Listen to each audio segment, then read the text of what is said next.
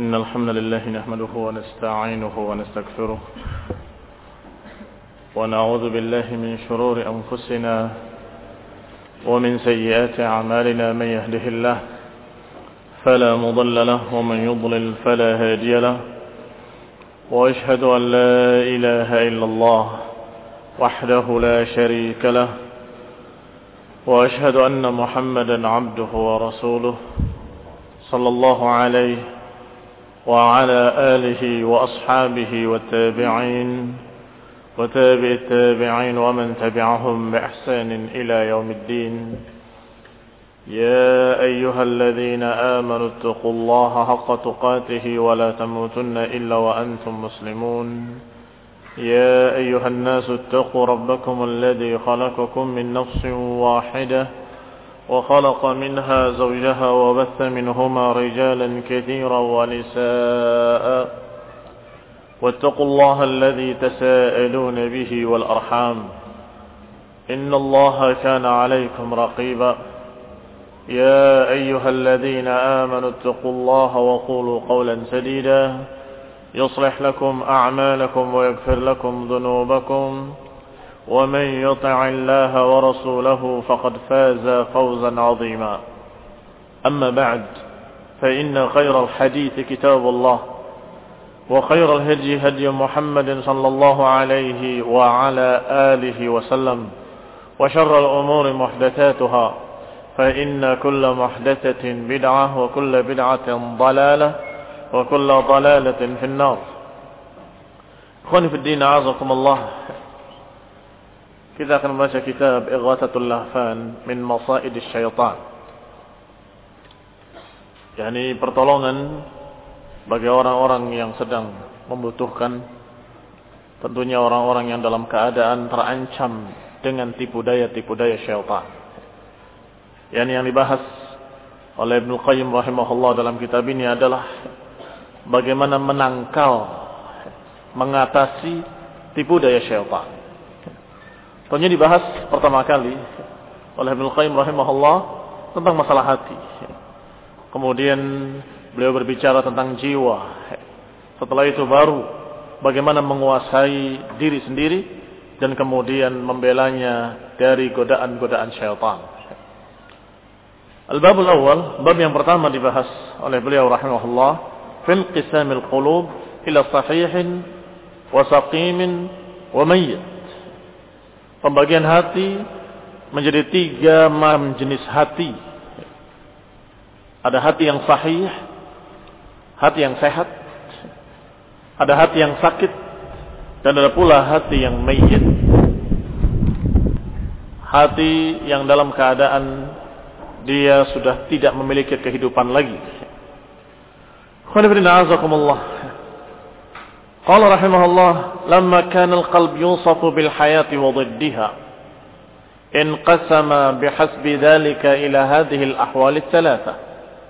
Karena yang namanya al-qalb yang sesungguhnya jantung atau sering diterjemahkan hati karena yang namanya jantung atau hati ini disifati dengan kehidupan dan juga disifati dengan lawan kehidupan, maka akhirnya hati terbagi menjadi tiga jenis, jadi tiga macam hati hati yang hidupnya dalam keadaan sehat, yakni hidup dengan kehidupan yang sempurna, dan hati yang tidak memiliki kehidupan, yaitu hati yang mati, atau hati yang dalam keadaan sakit berada di antara keduanya.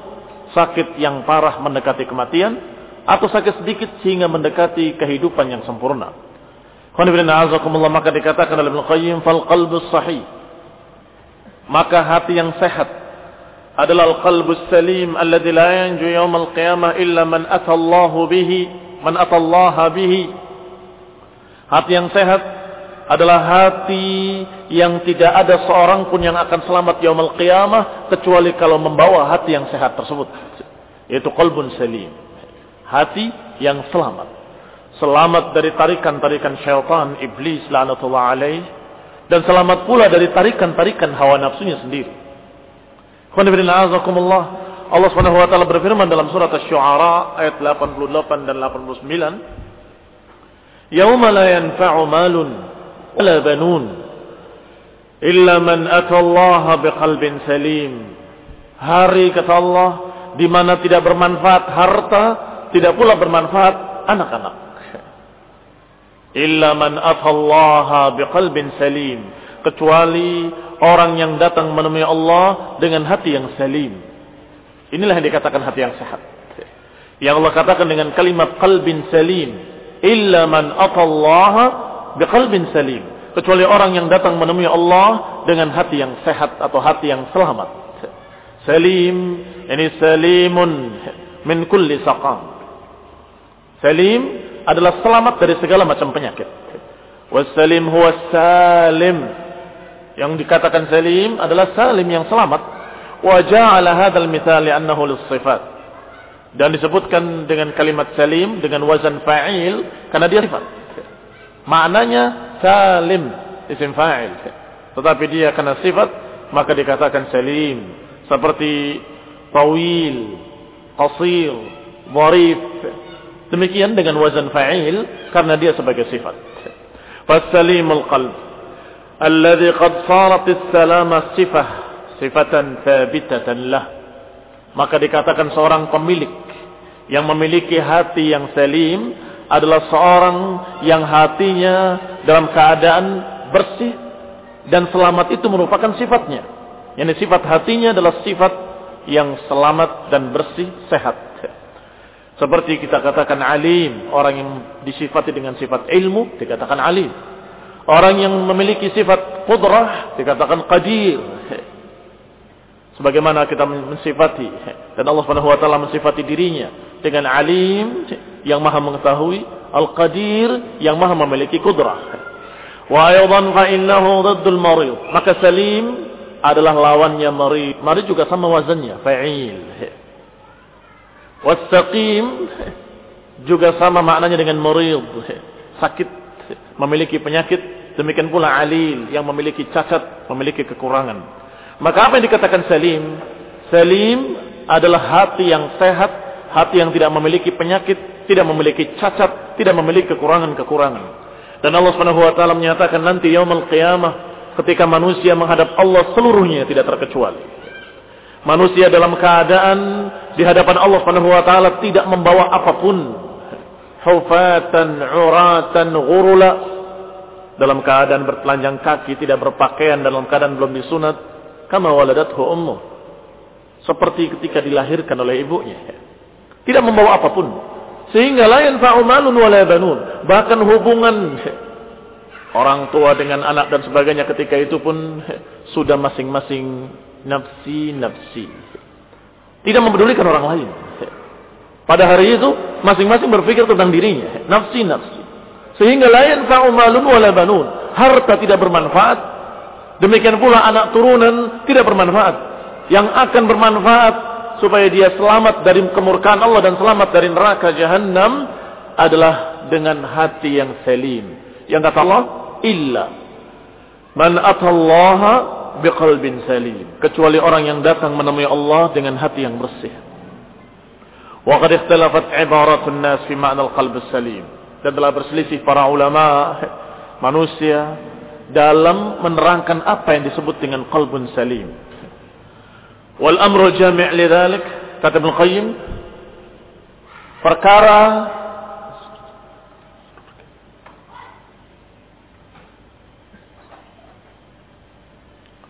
Yang dikatakan kalbun salim, kata Ibnu Qayyim rahimahullah, yang paling jami' yang paling lengkapnya annahu alladhi qad salima min kulli syahwatin tuqalifu amra Allah wa nahihi. Dikatakan bahwa yang namanya hati yang bersih, hati yang sehat, pendapat yang paling lengkap menyatakan bahwa hati itu adalah hati yang selamat dari setiap syahwat-syahwat. Ini selamat dari tarikan-tarikan syahwat yang menyelisihi perintah Allah dan larangan Allah. Yang tukhalifu amr Allah wa nahyahu. Wa min kulli syubhatin tu'aridu khabarahu. Yang selamat dari syubhat-syubhat yang akan mengkaburkan berita-beritanya dari Allah. Fasalima min ubudiyati ma siwahu. Maka hati itu selamat dari peribadatan kepada siapa pun selain Allah Subhanahu wa taala. Ikhwan fillah azakumullah. Kaum muslimin yang saya hormati. Perhatikan kalimat ini. Ucapan Ibnu Qayyim rahimahullah yang merupakan definisi yang jami' terhadap al-qalbus salim, terhadap hati yang bersih. Apa itu hati yang bersih dan selamat? Selamat dari syahwat dan selamat dari syubhat. Selamat dari tarikan-tarikan syahwat yang biasanya menyelisihi perintah Allah, menyelisihi larangan Allah Subhanahu wa taala. Karena tarikan-tarikan syahwat itu biasanya mengajak untuk mengerjakan yang haram dan biasanya syahwat mengajak untuk meninggalkan kewajiban-kewajiban yang diperintahkan. Inna nafsa la ammaratun bisu. Yang namanya jiwa syahwat hawa nafsu ammaratun bisu, selalu memerintahkan kepada yang jelek. Yang menyelisihi perintah Allah dan menyelisihi syariat Allah taala, menyelisihi ajaran Rasulullah sallallahu alaihi wasallam, maka hati yang dikatakan salim adalah hati yang salimun min kulli syahwah, yang selamat dari tarikan-tarikan syahwat tadi. Yang kedua, wa min kulli syubhatin. Selamat dari berbagai macam syubhat-syubhat. Syubhat itu pengkaburan atau kekaburan, ketidakjelasan. Yang kadang-kadang ketidakjelasan ini akan menentang berita-berita dari Allah Subhanahu wa taala melalui lisan Rasulnya. Berita yang jelas dalam Quran, berita yang jelas dalam sunnah-sunnah Rasulullah bisa jadi kabur kembali ketika dimasuki syubhat-syubhat. Berarti syubhat-syubhat ini merupa tipuan-tipuan. Atau syubhat ini berupa zukhrufal qawli ghurura yang memang syaitan dari jenis manusia dan dari jenis jin ba'dhum li ba'din sebagian mereka sebagian lainnya saling membisikkan. Yuhuna ba'dhum ila ba'din zukhrufal qawli ghurura mereka saling mengajarkan saling membisikkan zukhrufal qawli ghurura kalimat-kalimat yang dirangkai yang akan menipu manusia maka walaupun sudah tahu dari ayat Al-Quran beritanya dengan jelas walaupun sudah tahu hadisnya yang sahih dikeluarkan oleh Bukhari dan Muslim bahkan dari seluruh kitab-kitab para ulama ahlul hadis tetapi ketika masuk syubhat akan kabur kembali. Yang dibisikkan-bisikan syaitan berupa kalimat-kalimat tipuan yang mengkaburkan apa yang sudah jelas. Maka kalau hati yang sudah dipenuhi syubhat-syubhat, hati ini sakit. Nggak sehat. Tetapi kalau hati itu dalam keadaan bersih, tidak memiliki syubhat-syubhat di dalamnya, maka hati itu dalam keadaan salim. Itulah yang dikatakan al-qalbus salim. Illa man afallaha biqalbin salim. Mereka lah para pemilik hati yang salim inilah yang akan selamat di hadapan Allah nanti, selamat dari azab. Fasalima min ubudiyati ma Maka hati yang demikian akan selamat dari peribadatan-peribadatan lain selain peribadatan kepada Allah Subhanahu wa taala. Wa salima min tahkimi ghairi rasulih dan selamat pula dari berhukum kepada selain hukum-hukum yang dibawa oleh Rasulullah SAW. Artinya hati ini tidak mau berhukum kecuali dengan hukum yang diajarkan oleh Rasulullah SAW. Hati yang tidak mau bertahkim kepada selain ajaran Rasulullah Sallallahu Alaihi Wasallam. Fasalima fi mahabbatillahi ma tahkimihi li rasulih. Maka selamatlah dia dalam mencintai Allah selamat dari cinta-cinta lainnya yang mengurangi atau bertentangan dengan cinta pada Allah Subhanahu wa taala. Sehingga cintanya kepada Allah murni dan tidak dicampuri cinta-cinta lainnya. Bahkan cinta lainnya atau cinta kepada siapa pun, mereka tidak cinta kecuali karena Allah. Kalau tidak sesuai dengan apa yang Allah kehendaki, maka mereka pun benci. Ini hati yang bersih. Matahkimihi li rasulih. Dan juga berhukumnya dengan hukum Rasulullah SAW. Fi khawfihi wa rajaihi وتوكل عليه والإنابة إليه والذل له وإثار مرضاته في كل حال Kata Ibnu Qayyim selanjutnya, maka hati yang bersih adalah hati yang memurnikan rasa cintanya kepada Allah dan juga rasa takutnya. Waraja'i, rasa harapnya hanya kepada Allah. Tawakalnya, bergantungnya hanya kepada Allah. Kembalinya dalam kesusahan-kesusahan kepada Allah Subhanahu wa taala merendah hanya kepada Allah, tunduk hanya kepada Allah, wa itharu mardatihi dan lebih mementingkan keridhaan-keridhaan Allah dalam keadaan apa pun. Wa taba'ud min sukhtihi bi kulli tariq. Dan juga taba'ud menjauh dari kemurkaan Allah dengan segala macam jalan. yakni hati yang bersih akan menghindar dari kemurkaan Allah Subhanahu wa taala. Yataba'ad min suqti bi kulli tariq, akan menjauh dari jalan yang menyebabkan kemurkaan Allah Subhanahu wa taala. Wa hadha huwa haqiqatul ubudiyyah allati la tasluh illa lillahi wahdah. Demikianlah hakikat peribadatan dan penghambaan kepada Allah Subhanahu wa taala yang tidak layak untuk diberikan kepada siapa pun kecuali kepada Allah sendirinya. Demikian gambaran qalbus salim. Fal qalbus salim, maka hati yang bersih adalah huwa salima min an yakuna li ghairillahi fihi syirkun biwajhin ma. Maka hati yang bersih adalah hati yang selamat yang tidak ada di dalamnya kehendak-kehendak untuk selain Allah dan tidak ada di dalamnya sesuatu untuk sekutu-sekutu Allah Subhanahu wa taala. Berarti dikatakan ayyakuna li ghairillahi fi dikatakan bahwa tidak ada di dalam hatinya sesuatu yang untuk selain Allah. Tidak ada sesuatu untuk sekutu-sekutunya. Biwajhin ma dalam bentuk apa pun. Kalau punya kehendak, kehendaknya karena Allah. Kalau punya keinginan, keinginan yang diridhoi Allah. Kalau dia dalam keadaan ingin sesuatu, keinginan sesuatunya karena diridhoi oleh Allah. Dan kalau dia suka sesuatu, suka apa yang disukai oleh Allah. Dan kalau dia benci, bencinya karena Allah. Ketika dia marah, marahnya juga karena Allah Subhanahu wa taala. Masya Allah. Inilah yang dikatakan al-qalbus salim. Bal qad khallasat atau khallasat ubudiyatuhu lillahi ta'ala. Maka hati yang sehat ini adalah hati yang sudah dimurnikan hanya khusus untuk Allah Subhanahu wa taala. Iradatan wa mahabbatan wa tawakkulan wa inabatan wa ikhbatan wa khasyatan wa rajaan yakni kehendaknya, cintanya, tawakalnya, kembalinya, semuanya kepada Allah Subhanahu wa taala dan untuk Allah Subhanahu wa taala. Ikhbatan wa khasyatan, rasa takutnya, rasa harapnya hanya kepada Allah Subhanahu wa taala. Wa khallasa 'amalahu lillah maka dia ikhlaskan seluruh amalan hatinya hanya untuk Allah Subhanahu wa taala. Seperti yang digambarkan tadi. Kalau sudah diikhlaskan untuk Allah, artinya ketika hati ini benci pada sesuatu, bencinya karena Allah. Yani bencinya kepada apa-apa yang Allah benci. Benci pada kekufuran, benci pada kebid'ahan, benci pada kemaksiatan, benci kepada orang-orang yang menentang Quran dan Sunnah. Ketika dia cinta, cintanya juga karena Allah. Cintanya kepada apa yang disukai oleh Allah, apa yang dicintai oleh Allah, cinta kepada Rasulullah SAW, cinta kepada para sahabat, cinta kepada para imam, imam ahlus sunnah, cinta kepada para ulama, cinta kepada orang-orang yang beriman, cinta kepada orang yang saleh, cinta pada kebaikan-kebaikan, cinta pada ibadah-ibadah, cinta pada sunnah. Demikian hati yang sehat ketika mencintai mencintai karena Allah, ketika benci bencinya pun karena Allah. Fa in ahabba ahabba fillah wa in abghadha abghadha fillah. Kalau cinta cintanya karena Allah, kalau benci bencinya karena Allah. Wa in a'ta a'ta lillah.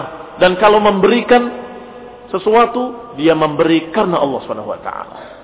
Wa in mana'a mana'a lillah. Dan kalau dia tidak memberi, menahan juga karena Allah Subhanahu wa taala. Kenapa tidak diberikan? Karena khawatir dia akan begini, dia akan begitu. Wala yakfihi هذا حتى يسلم من الانقياد حتى يسلم من الانقياد والتحكيم لكل ما عدا رسوله صلى الله عليه وعلى آله وسلم dan ini tidak cukup kecuali dia harus bertahkim dan terikat dengan ajaran Rasulullah SAW. La yakfihi hadha hatta. Tidak cukup semua tadi itu hingga dia terikat. Al-inqiyad wa tahkim. Terikat dan berhukum kepada semua apa yang diajarkan oleh Rasulullah SAW dan tidak mau terikat pada selainnya. Khonifidina perhatikan. La yakfi hadha hatta yaslam min al-inqiyad wa tahkim li man ada rasulihi. Dan selamat dari keterikatan kepada selain Rasul. Selamat dari bertahkim, dari berhukum kepada selain Rasulullah sallallahu alaihi wasallam. Kenapa harus dilengkapi dengan ini? Karena walaupun dia katanya cintanya cinta karena Allah, bencinya benci karena Allah, beramalnya untuk Allah, walaupun dia tekadnya dalam hati seluruhnya untuk Allah, tapi kalau tidak mengikuti ajaran Rasulullah, dia akan salah. Walaupun niatnya benar, walaupun niatnya karena Allah, dan dia sungguh-sungguh untuk Allah ikhlas murni untuk Allah Subhanahu wa taala. Tetapi kalau tidak mengikuti ajaran Rasulullah, apa yang terjadi? Kesalahan dalam beramal, kesalahan dalam beribadah dan itulah yang dikatakan bid'ah. Menjadi ajaran yang aneh, ajaran yang tidak diajarkan oleh Rasulullah. Cara-cara beribadah yang tidak dikenal dalam Islam, Islam yang diajarkan oleh Rasulullah SAW. Maka dikatakan oleh Ibnu Qayyim dan tidak cukup untuk memurnikan ibadahnya kepada Allah kecuali harus disertai tahkim kepada Rasulullah. Hati yang demikianlah yang dikatakan hati yang selamat. Selamat dari kesyirikan dan selamat pula dari ajaran-ajaran lain selain ajaran Rasulullah sallallahu alaihi wa ala alihi wasallam. Fa'aqid qalbahu ma'ahu 'aqdan muhkaman maka dia ikat hatinya dengan prinsip-prinsip ini. Ini hati yang sehat. Hati yang diikat dengan prinsip-prinsip tadi. Aqdan muhkaman dengan ikatan yang muhkam. Ikatan yang sangat kuat, mantap. Alal iktimam wal bihi wahdah. Yani terikat dengan kokoh dan iktimam. Iktimam yakni mengambil sebagai imam. Al-iqtida mengambil sebagai kudwah. Ini mengambil Rasulullah SAW sebagai satu-satunya imam panutannya dan sebagai satu-satunya uswah yang dia ikuti. Maka dia mengikuti para ulama dalam mengikuti sunnah Rasulullah. Mengambil ilmu dari para ulama karena ingin mengikuti Rasulullah SAW. Karena mereka membawa ilmu dari Rasulullah Sallallahu Alaihi wa ala alihi Wasallam. Duna kulli ahad tidak mengambil sunnah yang lain selain sunnah Rasulullah tidak mengambil ajaran lain selain ajaran Rasulullah SAW. Fil aqwali wal a'mali. Dalam ucapan-ucapannya maupun dalam perbuatan-perbuatannya. Yang diikuti hanya satu ajaran. Yaitu ajaran Rasulullah Sallallahu Alaihi Wasallam. Dan yang dikatakan akwal adalah akwal qalb. Ucapan-ucapan hati. Apa itu ucapan-ucapan hati? Karena sedang kita bicarakan adalah bicara hati. Maka hati yang sehat adalah hati yang ucapannya, ucapan hatinya untuk Allah dan perbuatannya untuk Allah. Kok perbuatan? Perbuatan kan bukan di hati. Iya, yang kita bicarakan ucapan-ucapan hati, perbuatan-perbuatan hati. Apa itu ucapan hati? Ikrar yang harus diyakini di dalam hati. Ya, ini aqaid, akidah. Menyatakan dalam hati dengan yakin bahwa la ilaha illallah. Itu qaulun, ucapan hati.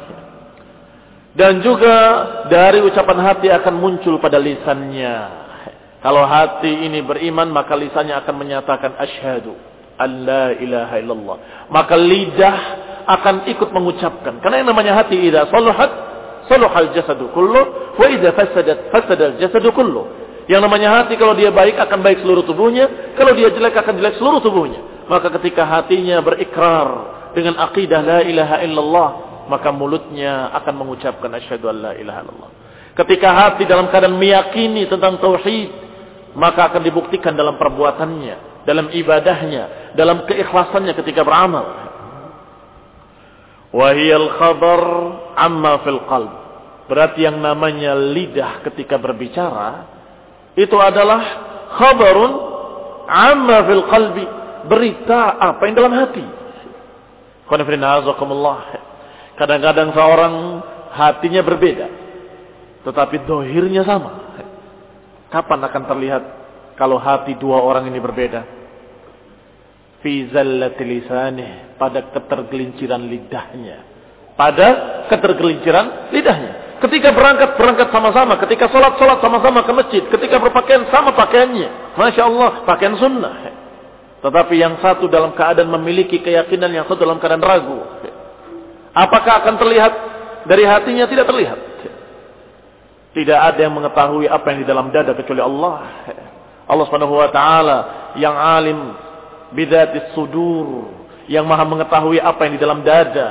Tapi manusia nggak ngerti, nggak tahu apa ini orang sama atau tidak sama. Tapi kapan terlihat biasanya? Biasanya akan terlihat dari tergelincirnya lidah. Tapi ini omong-omong untuk apa sih? Loh, kamu ngomong apa? Enggak maksud saya. Dia walaupun sudah maksud saya, maksud saya mencabut kembali ucapan yang tadi, tapi sudah terlihat ini orang berbeda dengan yang ini. Dia masih agak ragu, kenapa kok harus begini, kenapa harus begitu, tidak yakin. Sedangkan yang ini dalam keadaan yakin, ilman wa amalan. Ilmunya dia tahu dan juga keyakinannya dia mantap dalam keadaan beramal yang membuktikan apa yang di lidahnya. Ikhwan ibn Maka dikatakan di sini yang namanya lisan adalah khabar amma fil qalb, memberitakan apa yang dalam hati. Wa amalul qalbi dan amalannya juga amalan hati. Apa itu amalan hati? Amalan hati adalah iradah, kehendak-kehendak, wal mahabbah, mencintai, wal karahah, membenci. Kalau seorang membenci atau mencintai, perbuatan itu bukan perbuatan. Hah? Perbuatan. Tapi dengan apa dia berbuat? Apa dengan tangannya? Apa dengan kakinya? Tidak. Tetapi dengan hatinya. Orang ini membenci fulan. Orang ini cinta pada fulan. Atau orang ini dalam keadaan menghendaki. Demikian. Menghendaki juga perbuatan. Tapi perbuatan-perbuatan itu perbuatan hati. Maka hati yang salim, al-qalbus salim, adalah hati yang ucapannya, ucapan apa yang Allah ucapkan dalam Quran dan Sunnah. Ini akidahnya, akidah-akidah yang dia yakini adalah apa yang Allah beritakan dalam Quran dan Sunnah. Perbuatan hatinya, cintanya karena Allah Subhanahu wa taala. Ketika membenci, membenci juga karena Allah. Demikian pula iradah, kehendak-kehendaknya, selalu kehendak-kehendak yang diridhoi oleh Allah Subhanahu wa taala. Kalau ada dalam hati kehendak-kehendak yang haram, menginginkan sesuatu yang maksiat, berarti hati itu tidak sehat. Hati itu dalam keadaan sakit, memiliki penyakit. Fi qulubihim. Dalam hati mereka ada penyakit. Fazadahumullahu marada. Maka Allah tambahkan lagi penyakitnya. Karena dia berpenyakit. Maka kemudian dia menentang Quran dan Sunnah. Yang akhirnya Allah tambahkan penyakitnya pada mereka. Maka dikatakan hati yang sehat. Adalah hati yang tidak memiliki keinginan kecuali apa yang Allah ridhoi. Dan juga amalan yang ada dalam hati. Karena amalannya berbentuk iradah Iradah itu kehendak. Dan biasanya setelah iradah apa? Amal. Setelah iradah, amal. Ketika dalam hati punya keinginan jelek. Kalau dia lawan, dia tepis. Selamat. Tapi kalau kemudian dituruti, dia berbuat dengan tangannya, dengan kakinya, maka itu adalah cerminan hatinya. Cerminan hatinya. A'malul jawarih. Fayakunul hakim alaihi fi dhalika kullih diqqahu wa jullahu huwa ma rasul maka yang menjadi hakim yang menghukumi seluruh tubuhnya yang menghukumi yang menentukan perbuatan tangannya perbuatan kakinya perbuatan matanya perbuatan telinganya semuanya adalah hatinya diqqahu wa jullahu. Yang rincinya ataupun yang besarnya. Yang daqiq ataupun yang jalil. Yang kecil rinci ataupun yang besar semuanya diatur dari hati. Sehingga kalau hatinya sehat, perbuatan-perbuatan anggota badannya pun akan ikut sehat. Akan ikut baik. Perbuatan tangannya, perbuatan kakinya, perbuatan telinganya dan matanya semuanya akan ikut sehat. Huwa maja'a rasul yang semuanya dihukumi dengan apa yang dibawa oleh Rasulullah sallallahu alaihi wasallam. Maka hati yang sehat tidak mau lepas dari sunnah dan bimbingan Rasulullah sekejap mata pun. Fala taqaddam baina yadayhi. Maka tidak berani mendahului Rasulullah SAW. Enggak berani lancang. Terburu-buru berbuat sesuatu dalam keadaan belum ada perintah dari Rasulullah. Dalam keadaan tidak diajarkan oleh Rasulullah. Tidak berani. Biaqidatin. Wala biaqidatin wala qawlin wala amal. Tidak berani mendahului Rasulullah dalam masalah keyakinan. Dalam ucapan maupun dalam perbuatan. Tidak berani meyakini sesuatu yang tidak diajarkan oleh Rasulullah SAW. Kalau ada berita sesuatu bukan dari Rasulullah SAW, maka dia katakan tidak. Loh ini adalah begini? Tidak. Itu khurafat. Kenapa khurafat? Beritanya tidak ada dalam Quran, tidak ada dalam sunnah, bahkan bertentangan dengan Quran dan sunnah. Maka saya tidak akan meyakininya. Saya tidak percaya. Itu khurafat. Omong kosong. Demikian pula dalam masalah qaul. Tidak berani berbicara kecuali apa yang sudah ada dari Rasulullah SAW. Dia berpendapat, berbicara dengan satu hukum, berbicara dengan satu fatwa pendapat, tidak akan dia berani mengucapkan satu kalimat kecuali apa yang sudah ada dalilnya dari Rasulullah sallallahu alaihi wa ala alihi wasallam. Wala amal, demikian pula amal, tidak berani beramal, tidak berani berbuat kecuali apa yang sudah diajarkan oleh Rasulullah sallallahu alaihi wa ala alihi wasallam. Dia tahu kalau dia beramal tanpa bimbingan Rasulullah akan tertolak. Man amila amalan laisa alaihi amruna fahuwa rad. Barang siapa yang beramal dengan satu amalan yang tidak ada perintahku kata Rasulullah, fahuwa raddun, maka dia tertolak. Maka hati yang bersih tidak memiliki keinginan kecuali apa yang diridhoi oleh Allah dan tidak berani berbicara, tidak berani beramal, tidak berani meyakini sesuatu kecuali yang sudah diajarkan oleh Rasulullah sallallahu alaihi wasallam. Tidak berani mendahului Rasul, enggak berani lancang mendahului Rasulullah wasallam karena mereka ingat ucapan Allah Subhanahu wa taala ya ayyuhalladzina amanu la tuqaddimu baina yaday Allahi wa rasulih. Wahai orang-orang yang beriman, jangan kalian mendahului Allah dan Rasulnya. Wattaqullah, bertakwalah pada Allah Subhanahu wa taala. Yani ay taqulu hatta yaqul. Kata Ibnu Qayyim, makna ayat ini, makna la tuqaddimu, jangan mendahului, artinya la taqulu hatta yaqul. Jangan kalian berbicara sampai Rasulullah SAW berbicara. Wala taf'alu hatta ya'mur dan jangan beramal sampai diperintah.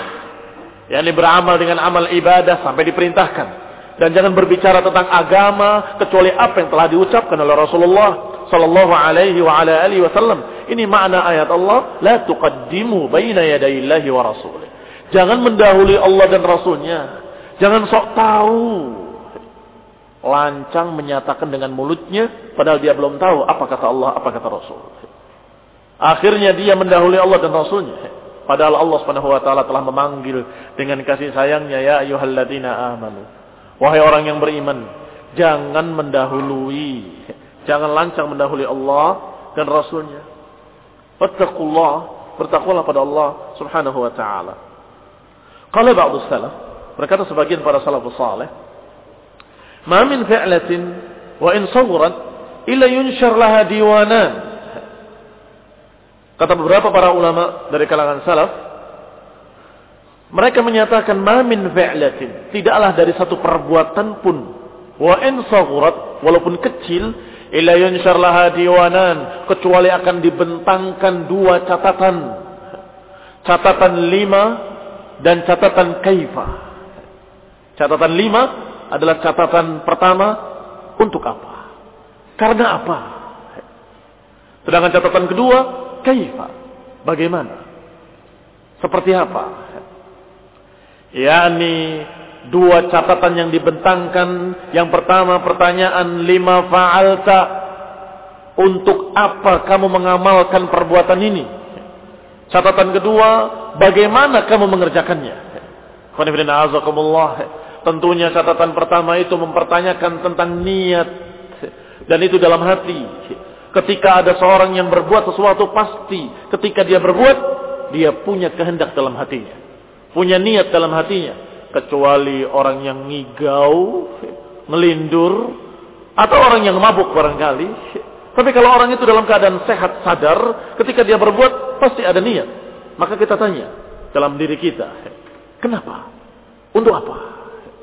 Kalau itu adalah untuk kebaikan karena Allah Subhanahu wa taala, lanjutkan. Tapi kalau itu adalah kehendak untuk sesuatu yang jelek dan haram, untuk siapa kamu kerjakan? Untuk hawa nafsumu menentang Allah. Untuk syaitan menentang ajaran Rasulullah. Maka tolaklah. Tidak. Maka catatan pertama ini kalau dilaksanakan tetap diamalkan dicatat. Dengan catatan pertama. yakni dia berbuat untuk hawa nafsunya sendiri. Untuk syaitan. itu catatan pertama. Dikatakan Ibnu Qayyim dengan rincinya. Soalun, fal awal soalun an illatil fi'l wa ba'ithuhu wa da'ihi. Catatan pertama adalah mempertanyakan tentang alasan dia berbuat dan tentang apa faktor pendorongnya, apa da'ihi, apa faktor yang mendorongnya, yang mengajak dia berbuat seperti itu apa. Hal huwa haddun ajilun min hududil amil? Apakah pendorongnya, alasannya adalah hanya bagian yang disegerakan yang dia inginkan di dunia? Ini haddun ajil, harapan yang segera, yani dunia maksudnya, kalau segera itu dunia. Min hududil amil, kebutuhan-kebutuhan si pelaku.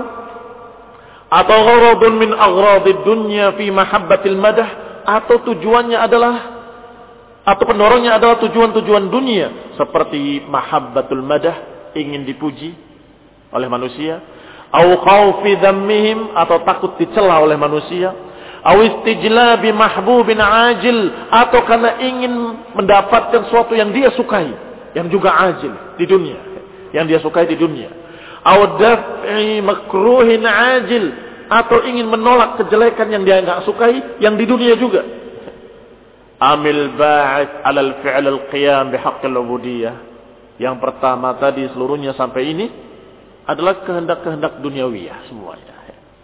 Pingin mendapatkan keuntungan pribadi, pingin mendapatkan pujian, menghindari menghindari cercaan atau karena ingin mendapatkan sesuatu yang dia sukai atau menghindari apa yang dia benci di dunia.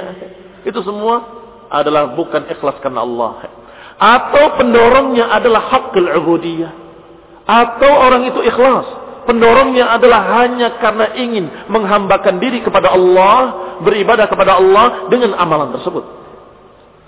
Wa taqarrub ila Rabbi subhanahu wa ta'ala. Atau menginginkan mencari sesuatu yang bisa membuat Allah subhanahu wa ta'ala sayang kepadanya. Dekat dengan Allah. Dekat kepada mereka. Sehingga mereka beramal ingin taqarrub ilallah atau bitghail wasilah ilaihi. Atau mencari jalan kepada Allah Subhanahu wa taala. Ini pertanyaan pertama agar terjawab apakah ikhlas atau tidak ikhlas. Mahallu hadha soal annahu hal kana alayka an taf'al hadha al-fi'l li maulaka am fa'altahu li haddika wa hawaka. Berarti tempat pertanyaan ini Yani lingkup pertanyaan ini adalah tentang apakah pada dirimu ketika kamu kerjakan suatu amalan, apakah itu kamu harapkan untuk maulamu, untuk Allah Subhanahu wa taala penciptamu, penguasamu atau engkau kerjakan hanya ingin kebutuhanmu sendiri, keuntunganmu sendiri di dunia? Ini pertanyaan pertama. Wasani, adapun yang kedua kata Ibnu Qayyim, soalun an mutaba'atir rasul. Pertanyaan kedua adalah pertanyaan tentang mutaba'atul rasul. Apa pertanyaan kedua? Catatan kedua adalah pertanyaan bagaimana kamu kerjakan. Walaupun yang pertama sudah terjawab bagus, terjawab dengan baik, yaitu betul-betul ikhlas untuk Allah. Saya kerjakan faktor pendorongnya adalah Allah. Yani karena Allah, untuk Allah, mencari keridhaan Allah, ingin takarrub kepada Allah Subhanahu wa taala. Tetapi masih ada pertanyaan kedua. Ya bagus. Kamu beramal murni untuk Allah. Tapi, apakah yang kamu kerjakan itu sesuai dengan ajaran Rasul? Ini pertanyaan kedua.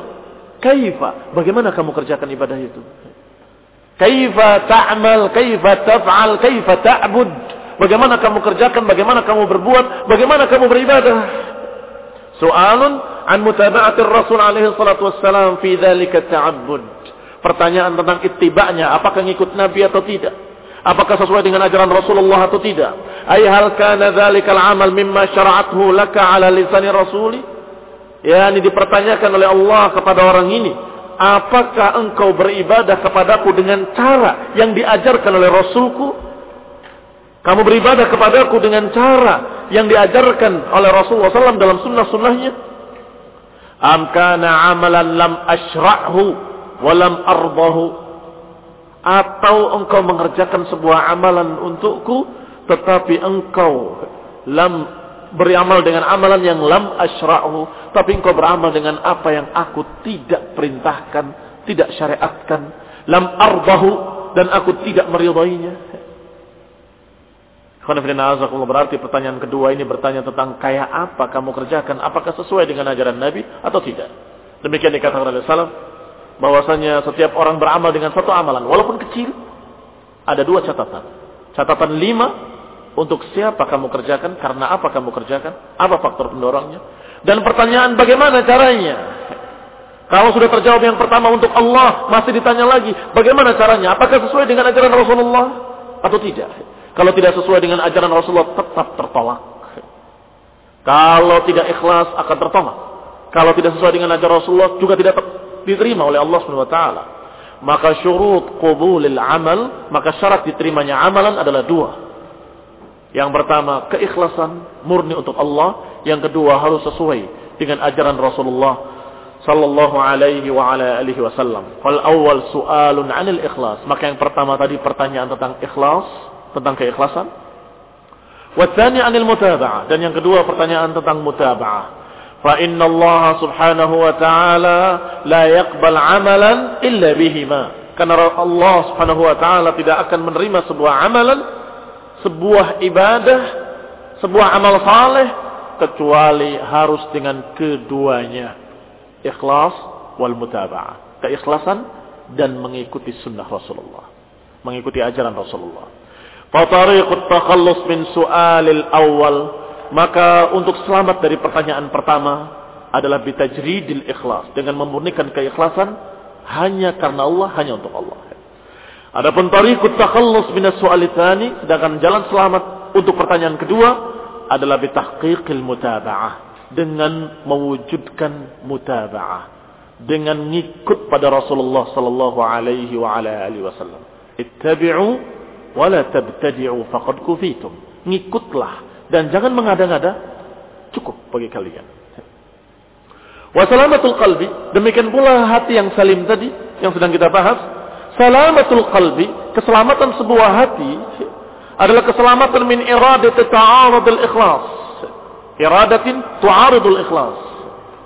Yaitu hati yang selamat dari kehendak-kehendak yang akan merusak keikhlasan. Dan juga selamat dari hawa nafsu yang yu'aridul ittiba. Selamat dari hawa nafsu yang akan menyelisihi ittiba'nya kepada Rasulullah sallallahu alaihi wa ala alihi wasallam berarti ringkasnya hati yang sehat hati yang selamat adalah hati yang selamat dari dua perkara Selamat dari tarikan-tarikan yang merusak keikhlasan. Dan selamat dari tarikan-tarikan yang merusak ittiba. Merusak ikutannya kepada Nabi. Apa yang merusak keikhlasan? Yang merusak keikhlasan adalah tarikan-tarikan dunia. Tarikan-tarikan hawa nafsu. Niat-niat yang tidak ikhlas. Hanya ingin dipuji, hanya ingin begini, hanya ingin dunia, hanya ingin keuntungan. Sedangkan yang akan merusak ittibanya kepada Nabi merusak seseorang untuk ikut pada Nabi, maka di antaranya adalah syubhat-syubhat yang mengkaburkan sehingga dia merasa ada sesuatu yang lebih baik dari ajaran Rasulullah Sallallahu Alaihi Wasallam. Kalau hati itu selamat dari keduanya, dari tarikan-tarikan yang merusak ikhlas dan tarikan-tarikan yang merusak ittiba, hada haqiqatu salamatil qalbi. Itulah yang dikatakan hakikat keselamatan hati alladhi dhammanat lahu najat was sa'adah yang mengandung di dalamnya keselamatan dan kebahagiaan, keselamatan dari kesesatan dan mendapatkan kebahagiaan fid darain. Sa'adatud dunya wa sa'adatul akhirah. Demikian ikhwan fillah azakumullah hati yang sehat. Mudah-mudahan pada kajian yang akan datang kita akan bahas al-qalbut tsani yaitu al-qalbul mayyit. Kita akan bahas satu yang berikutnya yang kedua yaitu hati yang mati. Wassalatu taufiqul afiyah. Wassalatu hidayah. Subhanakallah bihamdik. Asyhadu an la ilaha illa anta wa atubu ilaik. Assalamualaikum warahmatullahi wabarakatuh.